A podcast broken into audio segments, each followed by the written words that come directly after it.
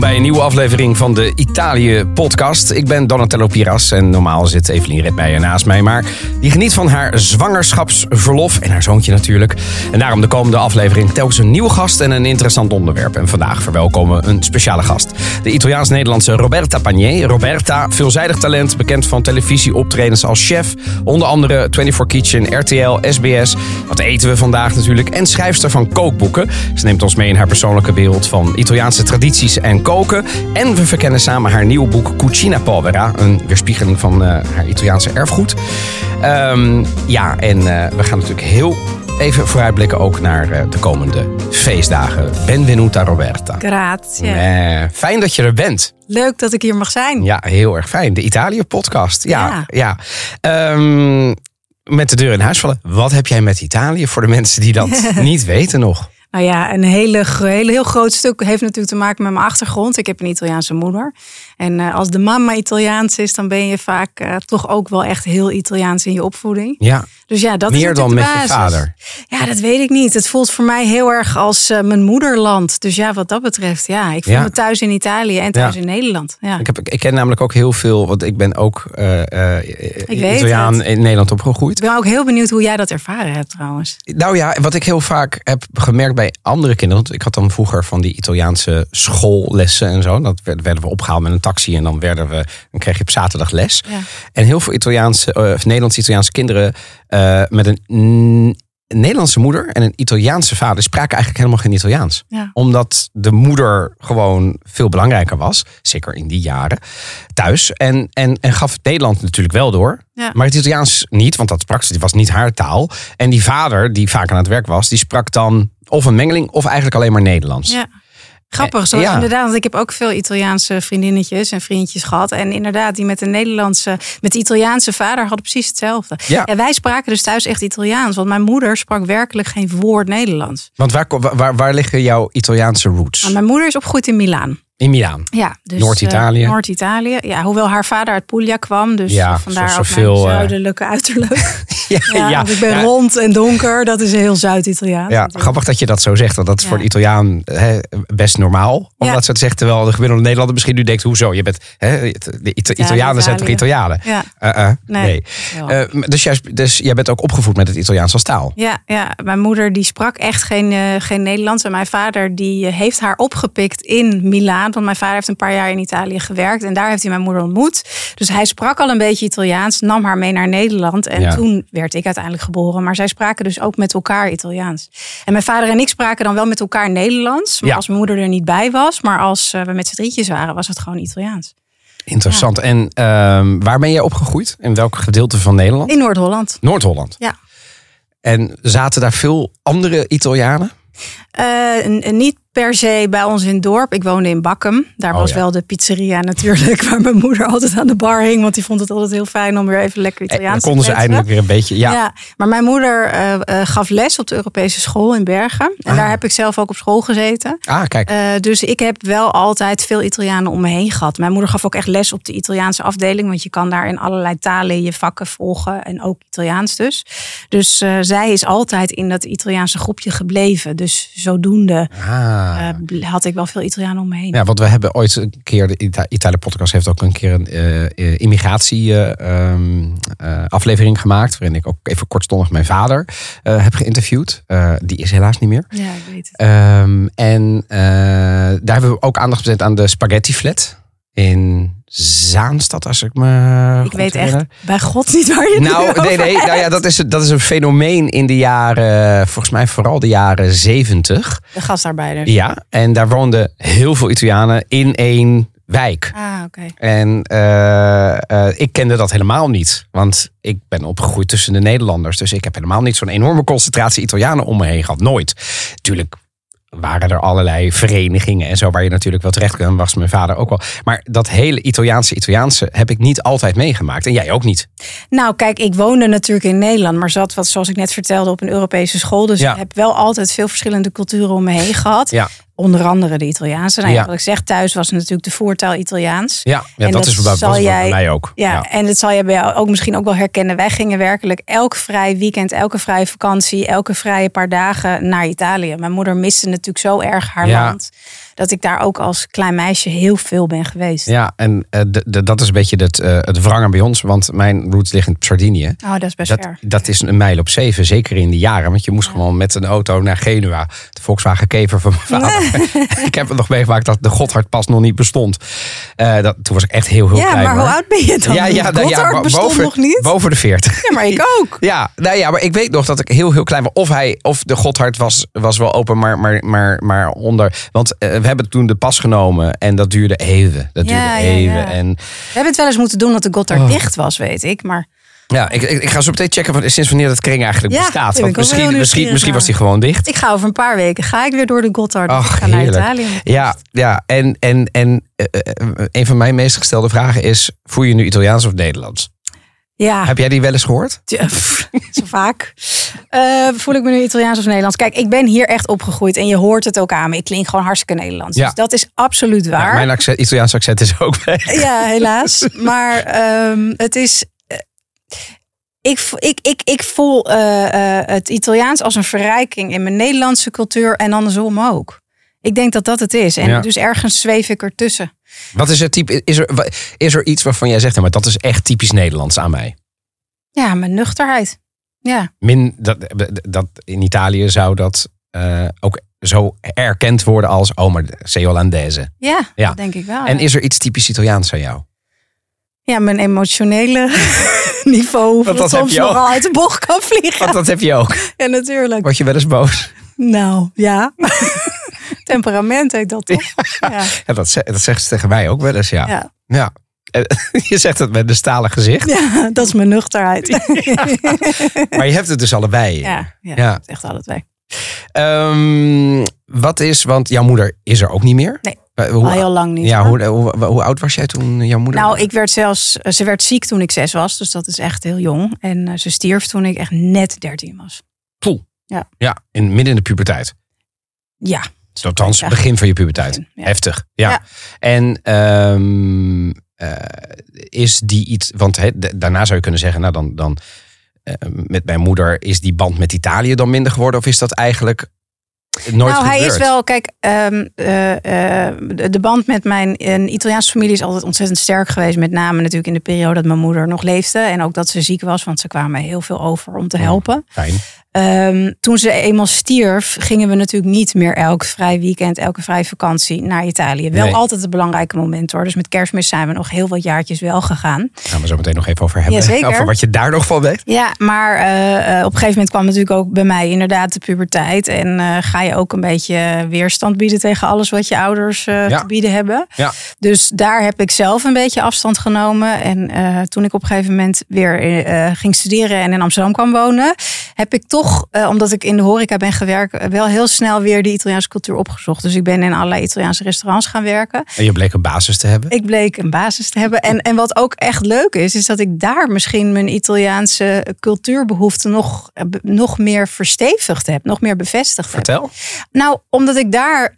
Eh, kijk, die Italiaanse restaurants waar ik werkte, dat waren wel Italiaanse restaurants van kwaliteit. Dus dat, ehm, daar, daar waren mensen die ten eerste heel veel wisten over dat eten, maar die die cultuur, dus dat die eetcultuur ook heel belangrijk vonden.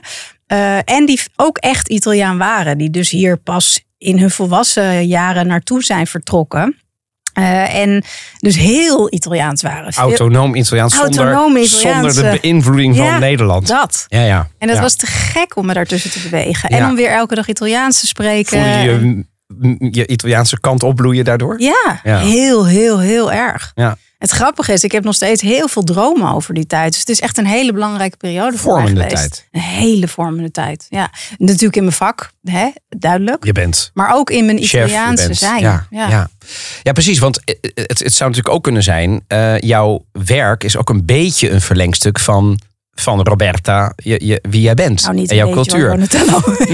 Nee, ja, maar ik probeer het voorzichtig te brengen. Om te kijken, wat is een aanname natuurlijk voor mij dat dat zo is. Het hoeft niet zo te zijn, maar dat is Nee, wel zo. Heel, heel sterk. En dat heeft onder andere te maken met mijn, mijn eh, ja, verdrietige stuk in de jeugd toen mijn moeder ziek werd. Ja, Ik heb gewoon toch, eh, om, om dat zeg maar ook een plekje te geven, ben ik eh, ja, me heel erg gaan verbinden met die Italiaanse cultuur. En dat doe ik nog steeds. En dat werkt helend. En dat is zo fijn en Ja. mooi. En het biedt ook heel veel. Het biedt heel veel. En Ja. op die manier hou ik gewoon dat lijntje.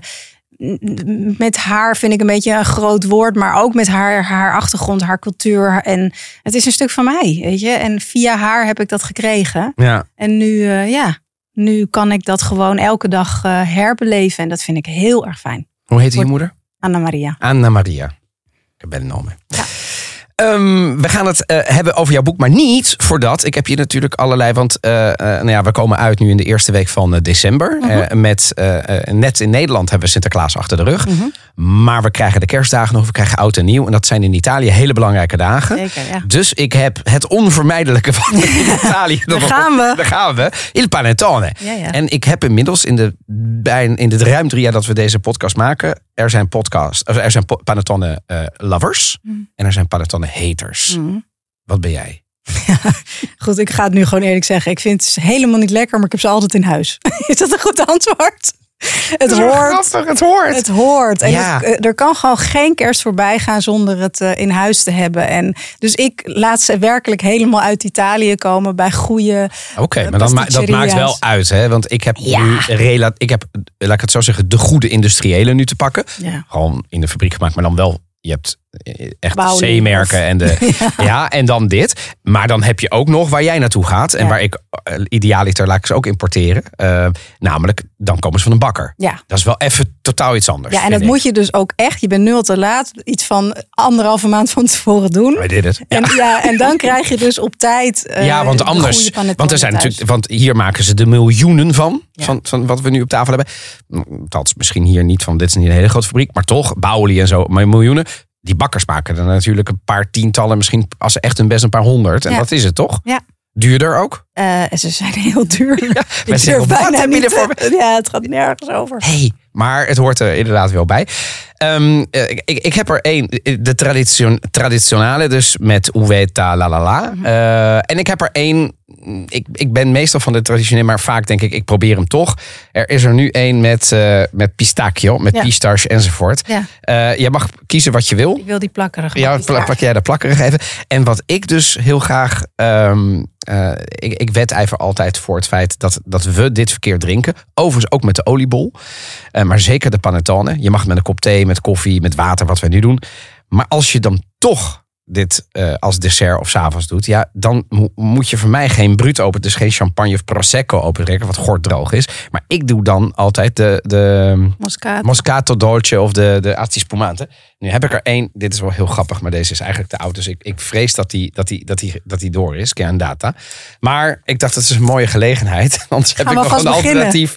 Om hem, ja, ja, maar ja, weet je. Deze, misschien luistert iemand dit wel na de laatste werkdag op vakantie. Zeg maar, de, de kerstvakantie is begonnen. Willen ze Ja, geïnspireerd Terwijl ze door de? Gotthard rijden. Ja, dat zou naar wel een fantastisch- wintersportlocatie. Dat eh, dit eh, niet eh, veel soeps meer is. Maar eh, dan heb Klopt ik die die nog? andere. Heb ik die andere nog anders? Nou ja, dat is, dat is inderdaad even een hele goede vraag. Duurt wel lang. Oh. Ja, ja, hij plopte. Dat klopt wel. Hm. Nou, ik ben benieuwd. Ik ga het eerst zelf eventjes doen, want anders dan... Zo. Een asti spumante.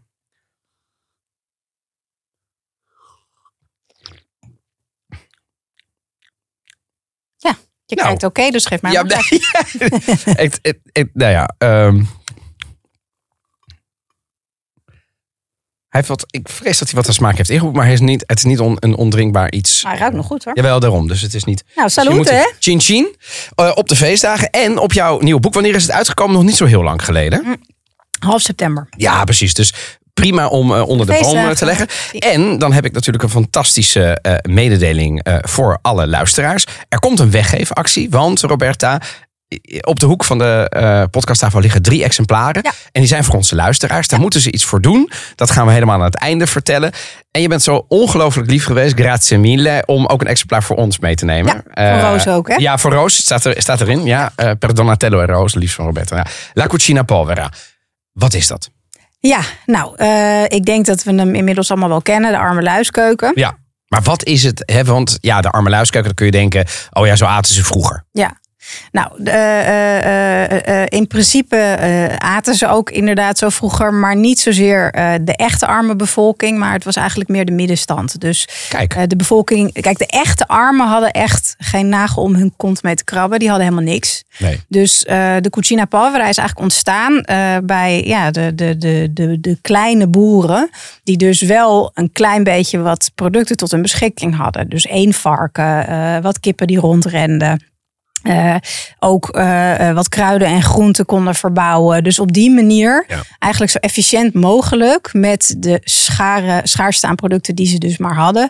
eh, mooie, toch lekkere gerechten wilden maken. Want ja, mensen wilden ook toen al lekker eten. Hè? Dat Uiteraard, is niet alleen ja. iets van nu natuurlijk. Het was natuurlijk waarschijnlijk, wat ik er me er nog van herinner... van de eer van de verhalen van mijn ouders. Kleine gemeenschap, klein, kleine gemeente in, op Sardinië.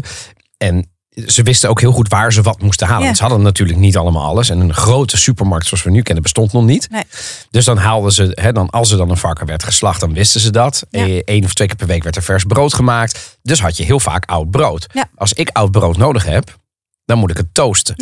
Of In de overleg in overleggen. Want dan is het weer oud brood. Maar zo is het natuurlijk niet ontstaan. Want dat oude brood hadden ze vroeger echt. Dat was gewoon waarschijnlijk ongelooflijk gorddroog. hard. Ja, kon je gewoon een, ruit mee ingooien. Ja. Ehm, en en, en ehm, waarom zijn we dat nu weer gaan waarderen? Nou ja, het past natuurlijk ook heel erg bij deze tijd. Ik bedoel, eh, iedereen wil natuurlijk sowieso eh, duurzaam zijn. Of iedereen, maar dat is natuurlijk eh, gelukkig een steeds belangrijker onderdeel. We hebben net de verkiezingen achter de rug. Ja. Dus iets of Laten iedereen. we het daar maar niet is. over hebben. Maar dus dat ja. is belangrijk. Twee is natuurlijk, men heeft een stuk minder te besteden dan vroeger. Ja. Veel mensen. Dus wat dat betreft is het ook juist alleen maar heel goed om efficiënt te zijn met wat je wel in huis hebt.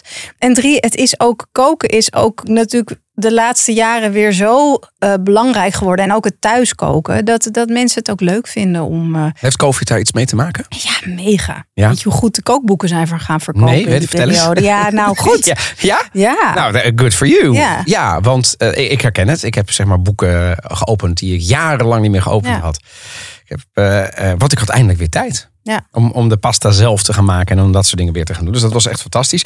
Ehm, als ik het boek opensla, ehm, dan eh, even los van de oorsprong en jouw regels, wat erg leuk is om te lezen. Die had ik al gelezen eh, eh, via via.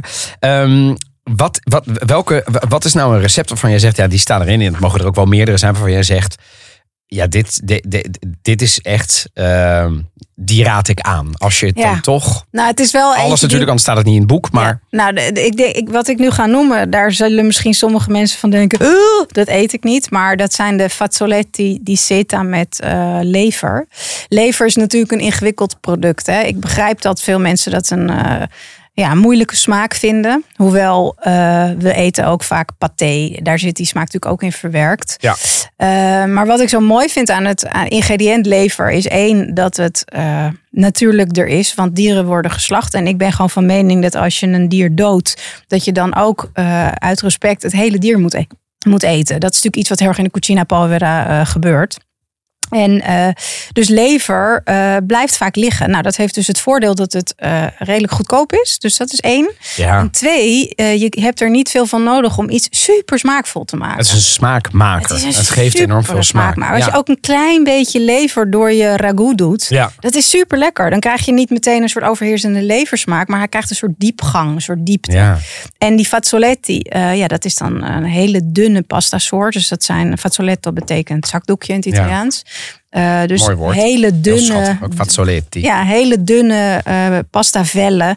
Uh, waar ik dus een hele lekkere, simpele leversaus bij heb geschreven. En voor mij is dat wel echt het ultieme uh, cucina povera gerecht wat in dit boek staat. Wat prachtig. Overigens, ik, ik, ik, uh, uh, wat ik vaak probeer te zeggen, um, is dat wat jij bijvoorbeeld over de eh, ik ben niet een vegetariër. Ik snap wel dat uiteindelijk er minder vlees op een industriële wijze gegeten moet worden. Ja. Willen we Ja, eh, eh, echt klimaatverandering hebben.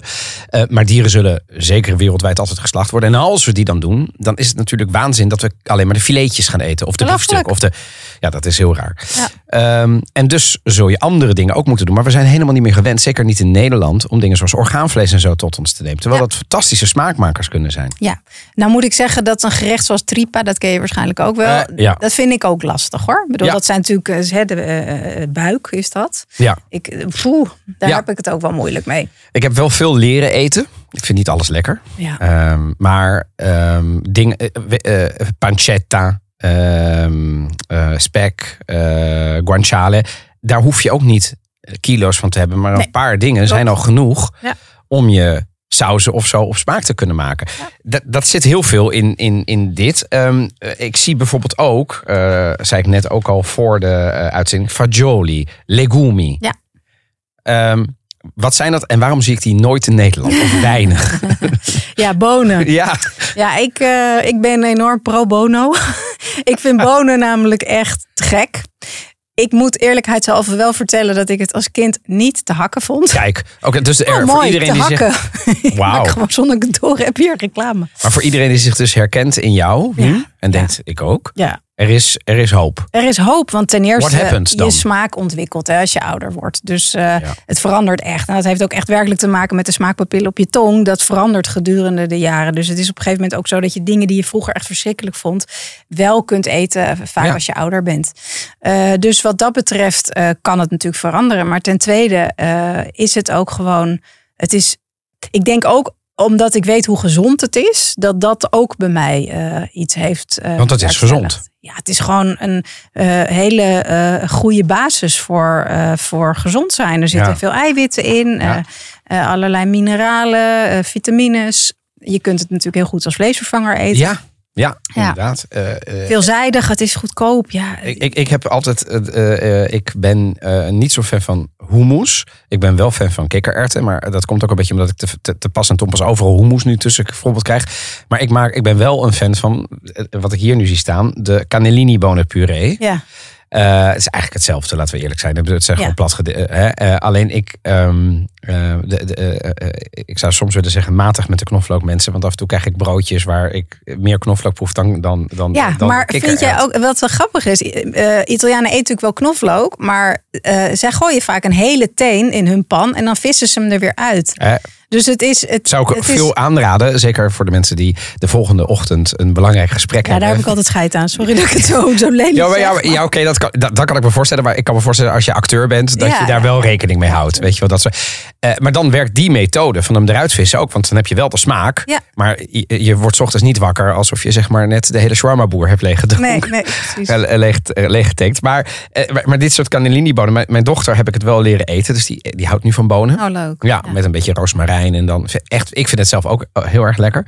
Eh, Roos heeft nog altijd, die is nog een beetje in de, in de Nederlands van, oh nee jongens, bonen. Hoe kunnen we dit nou heel erg lekker gaan vinden? Weet Ja, je wel? Dus, ja. Maar het is, je hebt bonen en bonen natuurlijk. Ja. En, en jij hebt, eh, eh, eh, als mensen denken, wat, wat is nou een manier om het, eh, om het toegankelijk te proberen? Is dat zo'n puree die we met hummus bijvoorbeeld wel kennen? Ja, en eh, eh, heel lekker is dat natuurlijk met een, eh, met een goed stuk geroosterd brood en Oh. olijfolie. En ja, nee, dat, dat is zo simpel en makkelijk te maken en ook smaakvol. De farinata, ja. Wat is de farinata? Ja, dat is Ik- een soort pannenkoek eigenlijk. Of een, ja, een, een dunne pannenkoek van kikkererwtenmeel. Ja, in, vooral in Liguria, Toscana, Ja. eh, heel populair.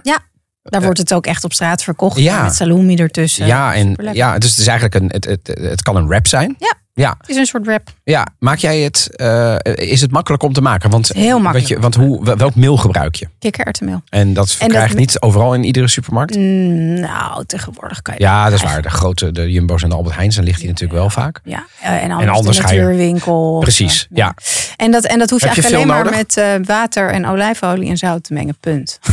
Dat is niet zoveel. hè? En dat moet, wat, wat je wel nodig hebt is wat geduld. Want je moet het een tijdje laten staan. Omdat het meel het water echt goed moet gaan opnemen. En dan vervolgens giet je hem in een, eh, een, een anti-aanbakpan. Of in ieder geval een pan die, eh, die ook de oven in kan. Eh, en dan laat je hem garen. Punt.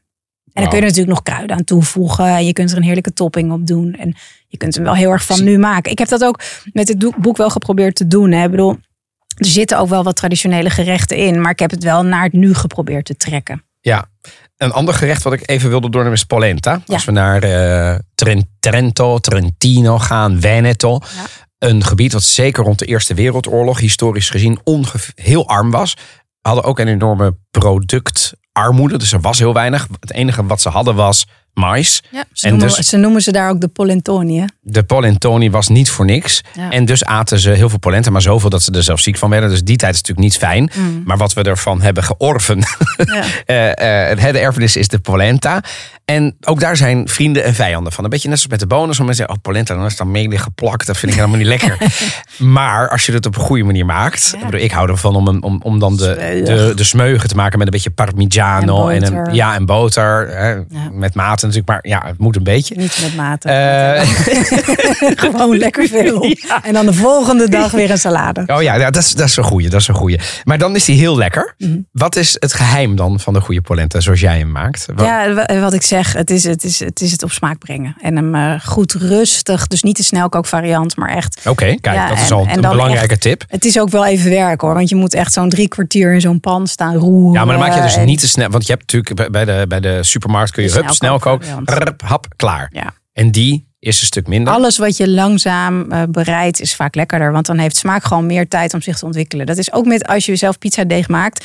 Tuurlijk, je kunt het binnen een half uur op tafel knallen. Dat is mogelijk. Maar als jij daar echt 24 uur van tevoren mee begint. En dus minder gist in doet. En heel langzaam laat reizen. Krijg je gewoon een veel lekkerdere smaak. Maar en goed, je hebt er veel minder last van in, je, in, in, in, eh, in la digestione. Hè? Ja, dus daar hebben het Italianen het altijd over. Ja, dat is wel grappig. Hè? Ja, ja, ja, Waarom? Uh, ja, dus Aan tafel ook altijd, ja, toch? Is, ja, zeker. Zie. Ja, het ligt zwaar op de maag. Ja, dat, dat is niet heel Nederlands om te doen, hè? Nee. nee dat je ineens zegt, ja. Mensen kijken hier ook een beetje raar aan. Ziet hebben ze het ook vaak over. De darmwerking. Ja. Voor de Nederlandse luisteraar. Maar dus ik, ik weet dat uh, een plek waar ik in uh, Italië kom uh, in de zomer. meerdere plekken, maar onder andere Toscane in het kleine villaggio. Daar maken ze dus ook pizza zelf. En dat laten ze soms 72 uur reizen. Ja, ja. En wat ik wel merk is, ik, ik, weet je, pizza eten. Heel zout. En daarna ontploft het ongeveer. Heb je zo'n opgeblazen gevoel. Niet zo gek. Het reist gewoon lekker door. En dat is waarschijnlijk snel ja. En die pizzeria's vroeger, die maakten dat natuurlijk mega snel. Tegenwoordig doen we het wat langzamer. En dat merk ik dus wel, dat moet ik wel zeggen. En ik vind hem ook lekkerder, want er zit veel meer smaak in dat, in die, in dat pizzastuk wat, je, wat je eet. En dan kun je dus thuis ook terug naar die polenta. Um, het, staat het alleen in het boek of maak jij het ook wel eens? Um, heel soms. Want ik moet ook eerlijk zeggen, mijn gezin is er niet heel erg dol op. Nee, dus, precies. Uh, dus dat helpt. Je kunt niet moeilijk voor jezelf alleen alles koken. Weet je, ik vind polenta ook echt iets wat uh, hoort na een lange wandeling. Of inderdaad, als je in de bergen bent. Of als je uh, eventueel windsport bent. Of, of als het hier een keer wel een week vriest. Precies. Dat het, maar dat, zijn de momenten dat je er zin in hebt. Het is geen zomersgerecht, hè? nee, joh. Nee. Dat moet je gewoon echt na flinke lichamelijke beweging en als het buiten echt koud is. Ja. En dat is natuurlijk was ook in Noord-Italië natuurlijk waar het uit oorspronkelijk vandaan kwam. Die mensen aten ook, dat moet ook niet vergeten, die mensen aten maar één keer per dag. Hè? Dus ja, het zijn allemaal zware gerechten, maar ze aten niet zoals wij de hele dag door. Nee, het was gewoon één keer per dag een hele stevige, sterke, zware maaltijd. En daar moesten ze dan de hele dag op. Ja, even een uh, fragmentje over de cucina povera. Siamo qua oggi per proporre alcune ricette della tradizione veneta. Sono ricette che le nostre nonne preparavano durante gli anni poveri della Prima Guerra Mondiale. Eh, le abbiamo scelte studiando prima i libri di storia, eh, andando a spulciare tra i diversi menù che le trattorie locali proponevano ai viandanti dell'epoca. E alla fine la nostra. Ja, ja dit is een dame uit Veneto, ook mhm. weer het noorden. Uh, die hebben er best een traditie eh, mee. Hè? Met die, wat natuurlijk, de heel Italië kent het. Mm -hmm. Maar uh, in het noorden hebben ze, hebben ze veel van dat soort um, simpele gerechten. Ja. Hoe komt dat? Ja, ik weet niet of het alleen in het noorden is. Het is, het is heel Italië. En hoe komt dat? Vergelijken met bijvoorbeeld Frankrijk. Ja, ja de, de Franse keuken is veel technischer. En de Italiaanse keuken is echt heel simpel en gaat het heel erg om de ingrediënten. Dus uh, minder bewerkelijk. En uh, ja, ik, ik, mijn beleving is niet dat het alleen in het noorden is. Ik het denk is dat het echt heel Italië is. Nu, nu, nu, is het Italië wel zo, al die regio's Ik bedoel, Napels heeft een totaal andere culinaire traditie dan Piemonte. Ja. En als je in Friuli komt, dan denk je, eh, is dit ook Italië? Ja, dit is ook Italië. Ja, ook kennen- qua mensen. Ja, en qua taal soms en qua gebruiken en zo. En, maar het is wel allemaal Italië. Ja. Is dit een, een dwarsdoorsnede van Italië wat hierin staat? Ja, echt een dwarsdoorsnede. Ik heb eh, eh, gekeken naar elke regio en daar gewoon mijn favorieten uitgehaald. En ook gekeken naar de gerechten die wel passen bij deze tijd, zoals ik net al zei. Het is, niet, het is geen autobio of geen biografie over de Cucina Povera. Het is gewoon wat ik lekker vind en de gerechten die ik vind passen bij het, bij het heden. Ja. Hoe persoonlijk is het boek eigenlijk? Eh, het, het boek is heel persoonlijk, met name in de eh, verhaaltjes die ik eromheen geschreven heb. Ik heb echt, waar ik dus ook heel blij van word als ik een boek schrijf, maar ook als ik een televisieprogramma presenteer of een gerecht mag maken, is de achtergrond van de ingrediënten, de achtergrond van het recept zelf, eh, de eetgebruiken die eromheen hangen, de hele cultuur die daarbij zit. Het is zo leuk om daarin te duiken. En de Italiaanse keuken heeft dat natuurlijk extreem.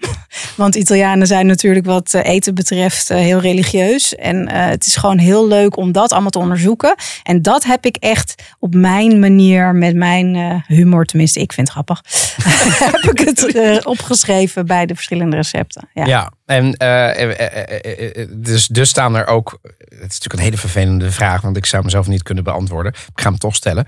Heb jij, heb jij favoriete regio's? Nou, om naartoe te gaan wel. Eh, maar qua eten. Culinair. Ja.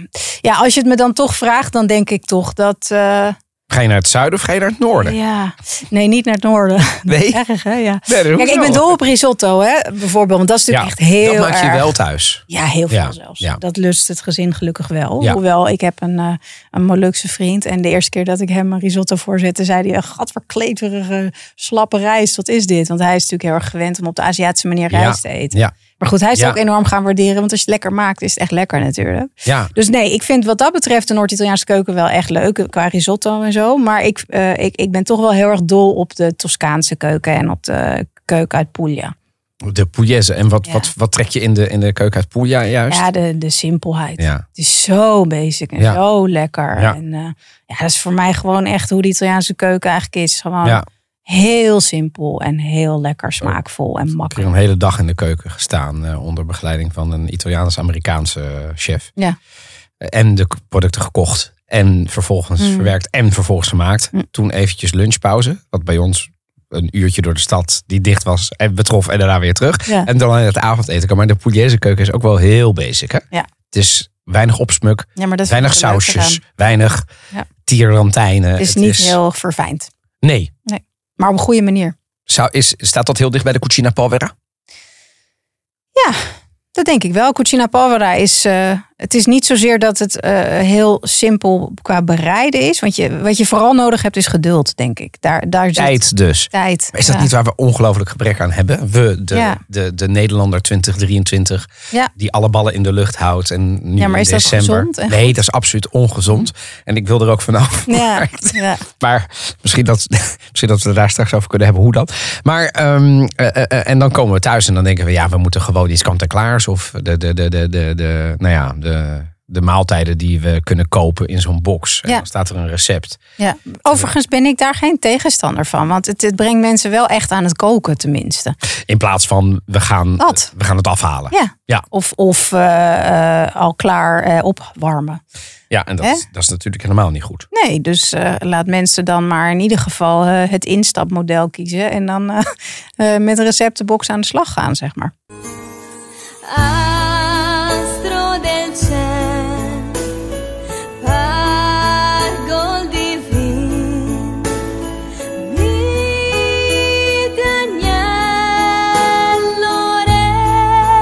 Mooi hoor. Ja, even, even de stemming eh, brengen naar eh, over eh, nou ja, een, een, een, paar dagen. Ja. Sommigen zullen de kerstboom nu al naar binnen hebben gedrecht en, en aangekleed. Natale. Zie, I love die, die piace Natale. Oh. Ja, Ja, ja, wat ja. heb je daarmee? Ik krijg meteen kippenvel als ik erover nadenk. Het is echt voor mij een van de leukste periodes van het jaar. Ehm, ik ben ook echt zo'n nerd die een kerststal bouwt. Dat is echt iets wat ik van thuis uit heb meegekregen. Molto Italiano. Ja, molto Il italiano, il presepe. Ja. En, en, en daar besteed ik ook echt heel veel aandacht aan. Ik ben daarmee begonnen toen ik mijn dochter kreeg, die dus nu alweer 14 is. eh, onder het mom van, dat is leuk voor haar. En eigenlijk vond ik het zelf gewoon fantastisch. Al die poppetjes, sneeuw en mos. Ja, ik ik- ben ik- gewoon echt zo'n nerd. Ja. Ja, nee, ik, ik, dat is wel leuk dat je het. Ik heb het. Misschien moet ik het ook weer. Ik heb het. Ik ken het. Ik heb het met mijn vader natuurlijk heel eh, vroeger maakten we eh, zelf presepe en dan met een spiegeltje het water en zo. Dus dat was altijd heel leuk. Dus dat brengt mij ook wel weer terug in die in die tijd. Ja. Toch een warme tijd. Ja. Ehm, ehm, doe jij daar nog steeds iets mee in jouw huis? Is Eh, kerst bij jou? Ja, Is dat? Eh, Is het Italiaans? Is het Nederlands? Is het een combinatie van beide? het hangt er vanaf eh, hoe en waar en met wie we het vieren. Oké. Ja, ik, dit jaar heb ik het geluk dat ik naar Italië ga. Dus ik ga het echt weer doen zoals we het vroeger deden. En hoe deden jullie het vroeger? Nou, wij reden dan via de Gotthard naar Milaan. Ik ga nu kijken. Ja. Ja, en daar logeerden we in het huis van mijn tante. Dat is midden in het centrum van Milaan, dus echt met de dom op de achtergrond. En, echt fantastisch. Milano. Mijn nicht Maresa, die woont daar ook eh, weer. Die heeft een tijd ergens anders gewoond, maar die is daar nu weer gaan wonen. Dus het gaat voor mij echt een trip eh, through memory lane zijn. Want we gaan daar dus ook nu weer zijn, in datzelfde huis waar ik als klein meisje was. Milaan is overigens vind ik een prachtige stad met kerst. Ja, met kerst is het echt te gek. Ja. Mooi versierd. Ja, en, eh, ja. ja. Voor de mensen die. ik, ik heb daar twee keer kerst gevierd. Ja. Prachtig. Ja, Ja. ook met familie. Dus ja. En, en wat betekent. wat is nou typisch Italiaanse kerst als mensen dat vragen? In Natale Italiana. Wat, Nou ja, waar kijk- verschilt het mee met het Nederlandse, zeg maar? Ik denk dat het grote verschil er toch in zit dat Italianen een religieuze achtergrond hebben. En of ze nou wel of niet praktiserend zijn, het zit er zo in verweven. Dus het is gewoon, eh, het zijn drie hele belangrijke dagen. Ja. En dat begint natuurlijk al. En jij eh, zegt drie dagen. Dat is ook al. Dat, ik herken dat natuurlijk. Maar Ja. dat is anders dan. Wij hebben twee kerstdagen. Jij ja, maar we hebben dagen. natuurlijk. Jij, zegt, eh, jij telt La Vigilia La mee. Vigilia is natuurlijk. de kerstavond. Ja, en daar ga je al eh, met vrienden eh, en of familie eh, een lichte maaltijd eten natuurlijk. Ja, Eh, in mijn eh, familie gaan ze ook eh, naar de kerstmis ja, dat s'avonds. deden wij vroeger ook. Ja, dus De eerste eten, daarna naar de mis. en dan allemaal mooie kleren Ja. en alle gouden juwelen werden omgeworpen. Ja. En dan, En dan gingen daarna gingen wij panettone eten. Daarna panettone. En, dus daar begint het al Ja. echt. Nou, ja, de volgende ochtend was natuurlijk het kinderfeest. Daar kwam of, Regalini. ja, of Babbo Natale. En in mijn geval was het dus Gesù Bambino. Ja, wat grappig. Dat is, bij mij ook altijd als. En, en dat is natuurlijk, dat kan niet. Dat snap ik ook wel rationeel. Maar het maakt mij niet uit. De, de ipaki werden gebracht, de cadeautjes werden gebracht. Of door. Mijn vader zei altijd Gesù Bambino. Ja. En mijn moeder zei altijd Babbo Natale. Ja, Ja, ja ik, het wel grappig. ik snapte ik natuurlijk op een gegeven moment ook wel weer dat, die, Ja, die maar dingen. Gesù Bambino, ik was echt... Even voor de mensen, dat is, dat is het kindje Jezus. Ja, precies. Ik was dus echt heel bang dat er een hele grote monsterbaby s'nachts in ons huis kwam. En die dan de pakketjes neer kwam leggen. Ja, dat was echt een soort Oh, wat erg. Ja, Het is een soort enorme... ja dus om heel eerlijk, ik heb er bij mijn eigen... Teletubbies. Ja. Zeg maar net iets te dichtbij kwam. Ja, ja. ja. Eh, Dus in mijn, eh, bij mijn eigen kinderen heb ik er wel Babbo Natale Ja. van gemaakt. Ja, dat snap ik. Ja. Ja, ja. Eh, dus dat was natuurlijk het kinderfeest. Ehm, ik had het geluk om in een familie op te groeien waar ook echt, echt totaal over de top gegaan eh, werd met eh, de kerstcadeautjes. Die boom Dus- lag... eh, Ja, mijn vader was altijd scheldend, reed hij terug naar Nederland. Want dan moest hij die hele auto weer vol zien te stouwen met alles wat we verzameld hadden in die paar dagen dat we daar waren. Ehm, dus ja, het ik, hoor, kinderfeest. ik hoor niks verkeerd. Nee, nee, helemaal oké. Ja. Eh, dus dat was dan de ochtend. Nou, en dan hadden wij vaak i pranzo di Natale, dus op eerste kerstdag. Ja, en in Braanza, dus Is de dineren niet. Nee. Tenminste, dineren ook wel, maar, maar, maar zeker niet na- op kerst. Want dan heb je gewoon in Braanzo en dat is best wel uitgebreid, hè? Ja, ja. en, en eh, begonnen al om een uur of elf met l'aperitivo. Dus dan een glaasje bubbels met Ja. Lekker eh, salumi en eh, Ja. ja. snackjes.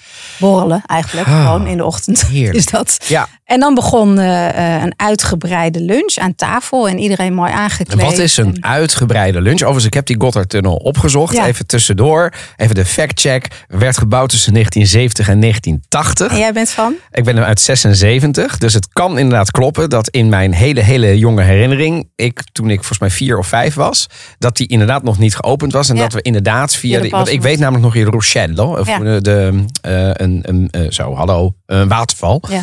Ehm, eh, eh, dat ik dat eh, zag. Ja. Dat weet ik. tot zover deze onderbreking. Terug naar de kerstlunch. Ja. In Pranzo di Natale. Wat is nou een typische Pranzo di Natale in jouw herinnering? Ja, nou ja, verschillende gangen. En eh, eh, beginnen met een eh, antipasto. En dat is dan, ja, kijk, ieder, iedere familie heeft zijn eigen tradities natuurlijk. En er is natuurlijk wel een soort lijn in te vinden. Maar bij ons was het dan vaak een paté di tonno of eh, ja, verschillende salades, dingetjes met, met, eh, en salumi met brood. Daarna kwamen altijd de tortellini in brodo. Oh, dit is zo klassiek. Ja, en die maak ik dus ook nog steeds Even eh, voor de mensen die jaar. denken, maar wat is er nou aan? Als de tortellini goed zijn, Ja. soms huisgemaakt, soms van een, een pastamaker, Ja. en de brodo is huisgemaakt, is het een ongelooflijk lekker gerecht. Ja. Als jij daar gewoon een, een knorblokje in gooit en het zijn de nee. dingen. Ja, nee, maar. En je koopt zo'n tortellini uit de supermarkt en je gaat dat bij elkaar doen. Heb je wel binnen vijf minuten je eten. Niet per se lekker, toch? Nee, en zeker niet voor de kerstdagen natuurlijk. Dat is dan niet. Nee, precies. Nee, en bij mij zit de lol er ook in. Want eh, ik moet heel erg zeggen, mijn familie kocht ze vaak wel gewoon. De tortellini gewoon. Maar ja, in Italië heb je natuurlijk de, de, de, de pastamakers overal. Dus daar kun je gewoon goede kwaliteit eh, verse pasta halen. Maar ik ben dus wel een aantal jaar geleden begonnen om eh, met mijn dochter op eh, eerste kerstdag eh, echt een traditie van te maken. Oh, om de echt? tortellini helemaal zelf te maken. Ja, ik wil En- dat zij dat ook meekrijgt. En ik, vind het, ik Ja, weet dat zij het mooi. heel leuk vindt en gezellig. En, eh, dus wij maken ze echt zelf. Eh, dus dat is ook wel een flink project. Want als je met veel mensen bent, dan moet je flink aan de slag om al die. Want het is een roltechniek om te vouwen, jongen. Oh my Ja. god. De eerste keer dat ik dat deed, dacht ik echt: oké, niet. why? Ik heb, de- ik heb de tortellini heb ik nog nooit gemaakt. Dus het lijkt mij ook. eh Ja. Una bella sfida. Het lijkt mij leuk om te kunnen. Dus eh, ik, ik ga dit ergens opslaan en, en, en, eh, en dan ga ik jou bellen. Dan, Ja, van, hoe, maak je wel eens tutorials? Eh, ja, ja. Toevallig lately heel veel zelfs. Kijk. Ik zit ook te denken om er eentje nog eh, te maken. Want dit is natuurlijk. per- de- de- deze gaat eh, enorm veel hits hebben. Want Ja. het is ook heel. mo- De, de- en, het, en je moet het goed vouwen. Want anders dan heb je je vulling en je, en je, en je deeg door elkaar in dat water. Ja, nee, dan, dan gaan ze open. dus niet. Ja, dus en dat, kan dus, nee, dat is dus oefenen. Dat kan dus Ja. niet. Nee. Nee, maar hier herkent ze natuurlijk de ware chef. Dat gebeurt jou niet. Nee, maar dat nou, kost wel ja, tijd. Ja, en natuurlijk doe ik het met mijn dochter. Dus die heeft ook eh, wel eventjes moeten oefenen. Snap maar goed, ik. ze ze begint is er lang- 13, zei je? Nu 14. 14, ja. ja. maar zij vindt het ook leuk. Ze vindt het super Heb je het koken een beetje mee kunnen geven? en het eten. Niet Allebei, koken. best of both worlds. Ja, Ja, ze vindt het heel erg leuk. Eh, nu zijn er natuurlijk heel veel eh, Italiaanse, eh, eh, nee, je hebt er al één genoemd, traditionele kerstgerechten. Dus de, de, de, de tortellini in brodo. Eh overigens in Piemonte zijn dat meer agnolotti. Dus, eh, en ik weet dat in mijn, mijn tante in Sardinië maakte dan i, culigionis. Die staan er ook in, hè? Ja, maar dit zijn de Noord... Dus dan kom je weer de Noord-Sardijnse culigionis. En eh, in het zuiden is het culigionis. En dat zijn dan, dan, dan zijn het eigenlijk wat... Dan zijn ze wat platter. Ah ja. Maar dan is het inderdaad ook wel ricotta di pecora met saffraan. Echt heel lekker. Lekker. Mm. Echt heel lekker. Maakten ze zelf. En dat was dan de eerste gang. Had je Ja. dus een aperitiefje gehad. Dit was dan de eerste gang. Ja. En dan, je wilde meer, want ze waren goddelijk. Maar je wist, Er komt nog. nou, er kwam nog heel veel. Want daarna gaan we door met het hoofdgerecht. Ja. En eh, eh, als ik me goed herinner, La Vigilia is meestal vis. Ja. Toch? Ja, in ieder geval iets lichts. Iets ja. lichts, ja. Ja. En, en, en vis vanuit de oud-katholieke traditie dat, je, dat je niet een, een eh, dat je geen vlees mocht eten. En vandaar dat de, de vongole, eh, dat vinden sommige Nederlanders raar, want dat is gewoon dus per zomers gerecht. Ja. Maar vongole wordt wel degelijk ook met feestdagen gegeten. Ja, heel eerlijk, dat heb ik nog nooit meegemaakt. Ik ook niet, omdat het in het zuiden weer niet is. Maar ik weet dat ze dat in, in, het, in het midden en zo doen ze Ja. heel veel de, de, de linguine con, nou ja, wongole Ja, ja. enzovoort. Ehm, en ehm, dan heb je ook de, de, de, ja, wat voor type vlees? Maakt dat niet uit? Mm, eh, Bij ons thuis veranderde het nog wel eens. Eh, maar ik weet wel dat ze ook veel capone eten, bijvoorbeeld. Kijk, en capone. eh, Ja, dat is eh, het kapoentje van het. Sinterklaasliedje. Ja, ja, ja, ja, Ja, dat is een haan. aan. Ja, Ja. ja. Wordt hier echt bijna niet gegeten. Wat gek is, Ja. want die zijn er ook. Ja. Ja, dan gaan we weer. We zijn nogal Ja. eendimensionaal in onze. Ja. Ja. ja, bij ons heel veel lam. Ja. Vanuit het Sardijnse. Ja. Het Tuurlijk, agnello. veel scha- er zijn meer schapen dan mensen op uh, Sardinië. Eh, eh, zeker, veel meer ook, ja.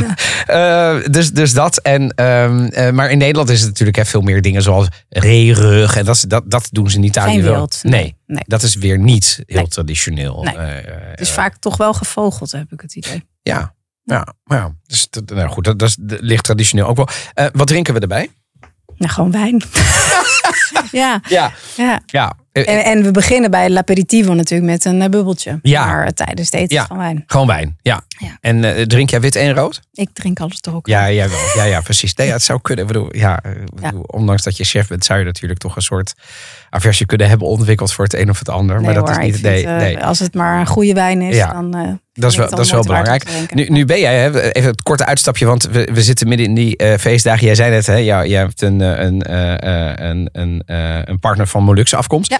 Ik heb ook wel gezien dat jij ook wel thuis bent in, in, in die keuken. Dat ben ik me wel een beetje eigen. Ja. maken. Maar ik heb hem ook ook van hem geleerd. Ja, Ongelooflijk lekkere keuken is. ook. ja heel. Ja, want ik Ja. zie af en toe een heerlijke gado gado of Ja, een, eh, ja. En ik, eh nasi goreng ben Oh, ik eh, mezelf gaan aanleren. Ja. ja. Maar dan echt zoals het hoort, hè, natuurlijk. En wat is het verschil tussen hoe het hoort en hoe we het nu doen? Nou ja, hoe hoe het hoort. doen, laat ik het zo zeggen. Ja, is, is, is toch eh, met name het gebruiken van de rijst van gisteren. Dus niet vers rijst koken en hem dan opbakken. Want dan krijg je nooit die, die droge knapperigheid wat het eh, hoort te zijn. Wat het hoort. Kijk, Ja. toch een mooie tip. Ja, overigens, Weer cucina povera, Weer cucina povera. restverwerking. Ja, Ja. overigens de, de arancini in Italië zijn ook weer ontstaan. Dan had je risotto en dan, dat bleef dan... Ja. En dan had je over. Want Ja. je, maakt, je maakt nooit te weinig. Je maakt meestal net iets te veel. Ja. En dan kon je dat weer kneden tot mooie balletjes. Maar dat doen we ook niet meer. Dus gaan mensen eerst die risotto maken. Die kneden Ja. ze dan tot arancini. En dan vervolgens wat, ja, A, heel veel werk is. Ja. Ik heb het één keer voor elkaar kunnen krijgen. Omdat ik inderdaad te veel had gemaakt dan ik dacht. En toen kwamen de vrienden eten. En toen dacht ik, en nu ga ik ze maken. Ja. En toen waren ze wel flabbergasted. Want iedereen dacht, maar hoe heb je dit nu? Toch, ja, dat heb ik dus gisteravond gedaan. Dus het helpt wel. Als je gewoon net meer maakt. Ja. Moet je de volgende dag moet je wel de techniek hebben om ze te kunnen verwerken. Ja. Gaat jouw Ja, boek daarbij helpen? mee. Ja, de arancini staan er ook in. Zie je? Dus, eh, ja. Ah, super. Ehm, we gaan door, want dan wordt het vervolgens ook oud en nieuw. Ja, Want de Feste Natalizie in Italië, die zijn niet klaar op- na de, na de kerstdagen. nee, ik ben wel nog één eh, belangrijk ding. Oh, ja, ja, ja. Want eh, het dessert is ook heel Il belangrijk. dolce, ja. die, die, dat is natuurlijk nu zou Roos zeggen, jij vergeet altijd het dessert. Ja, is het Ik, zo? nou, dat is niet het, bij de feestdagen zal, dat, zal me dat niet zo snel gebeuren. Maar, maar ze heeft wel een punt dat ik meestal focus ik op de, de hartige gerechten. Ja, en de wijn. de primi el vino. En op een gegeven moment ben ik dan soort van klaar. Ja. En, en terwijl er zijn heel veel toetjesliefhebbers. Ja. En ik doe de Italiaanse keuken ook enorm tekort als ik dat niet doe. Ja. Wat zijn lekkere of, en of traditionele desserts? Nou ja, het is eigenlijk gewoon weer de panettone in dit geval. Maar mijn familie maakt daar dan altijd de crema al mascarpone bij. Oh. Dus dat is, eh, eigenlijk is gaat het mij daarom. Wat is dat? Crema al mascarpone? Dat is een, eh, ja, een, een soort curd-achtige eh, saus gemaakt van mascarpone en, en ei. En een klein beetje marsala of cognac zit erdoor. En het is gewoon een hele smaakvolle, romige... Wat weer iets anders is dan zabayone? Het is anders dan zabayone, Ja. want zabayone is echt eh, opgeklopte eh eigeel. Met suiker. Ja, en dat, eh, dit, hier draait het vooral om de mascarpone. Overigens ook heel lekker. Ja, ja. En daar doop je dan de panettone in, zodat hij toch nog wat smaak krijgt. Oh, zei ik dat nou echt? Ja, dat zei ik echt. Ik, maar, maar- nee, maar, ja, maar ik ben dat wel met je eens als ik Ja. eerlijk ben. Ja. En daarom er worden steeds meer dingen zoals crema di pistachio waar je het in kan Ja. doen en dat soort dingen. Dus het is natuurlijk gewoon, Roos zegt, het is gewoon droge cake. Ja. En ik roep dan altijd een beetje secundeur. Ja, maar het is wel traditie. Ja, ja. Maar het is wel waar. Ik bedoel, ik zou, ik, ik, en ik kan ook niet een hele dag, eh, eh, dagenlang alleen maar. Maar het, omdat het traditie is, eh, doe je het wel. Maar je maakt het dan wat lekkerder inderdaad. Ja. Dat soort dingen. Maar dan, eh, een heleboel mensen zullen zeggen, is er iets mis met zuppa inglese, tiramisu en dat soort dingen? Mag dat ook? Nou, alles mag natuurlijk. Alleen, ik moet er niet aan denken om na een kerstmaaltijd nog een tiramisu naar binnen te werken.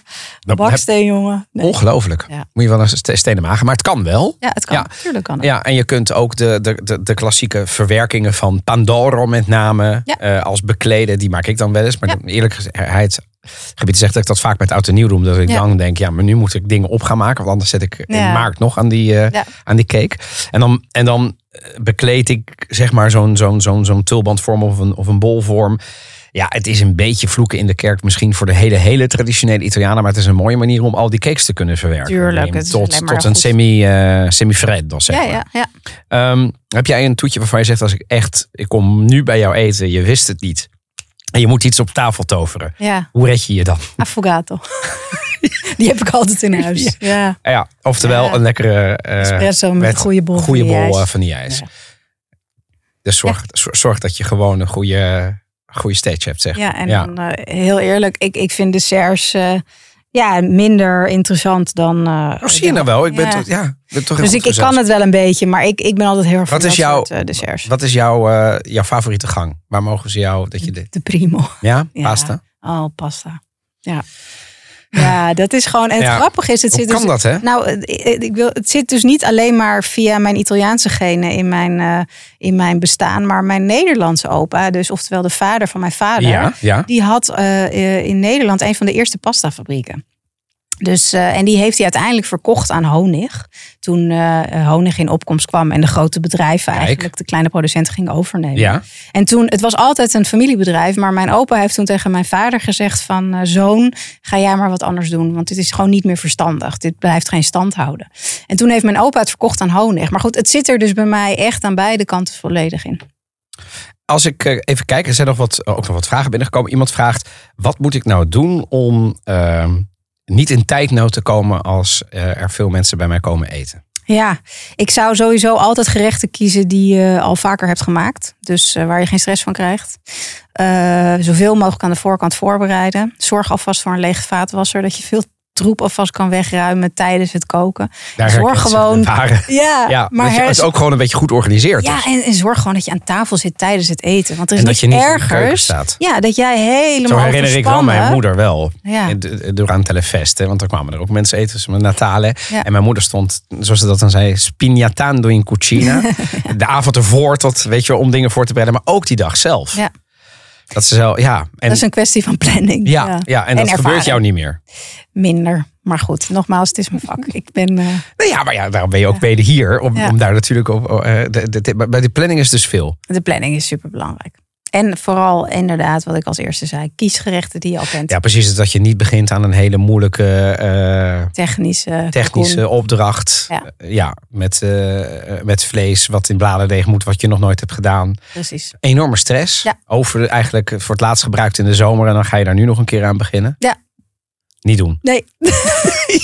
En een pasta, waarvan mensen zeggen, ja, maar een pasta hoort dat dan bij een, een kersttafel? Ja, in mijn eh, wereld wel. Ja. Ja. Ja. Maar dan maak je Maar een klein. an- ja, ja, precies. Kleine Ja. hoeveelheid. Ja, want mensen zeggen, ja, maar als ik al een hele pasta op heb, dan hoef ik niet meer verder te eten. Nee, maar dan hoe doen je de Italianen dat 75 nou? gram eh, pasta nemen in plaats van eh 100, 125, wat wij gewend zijn.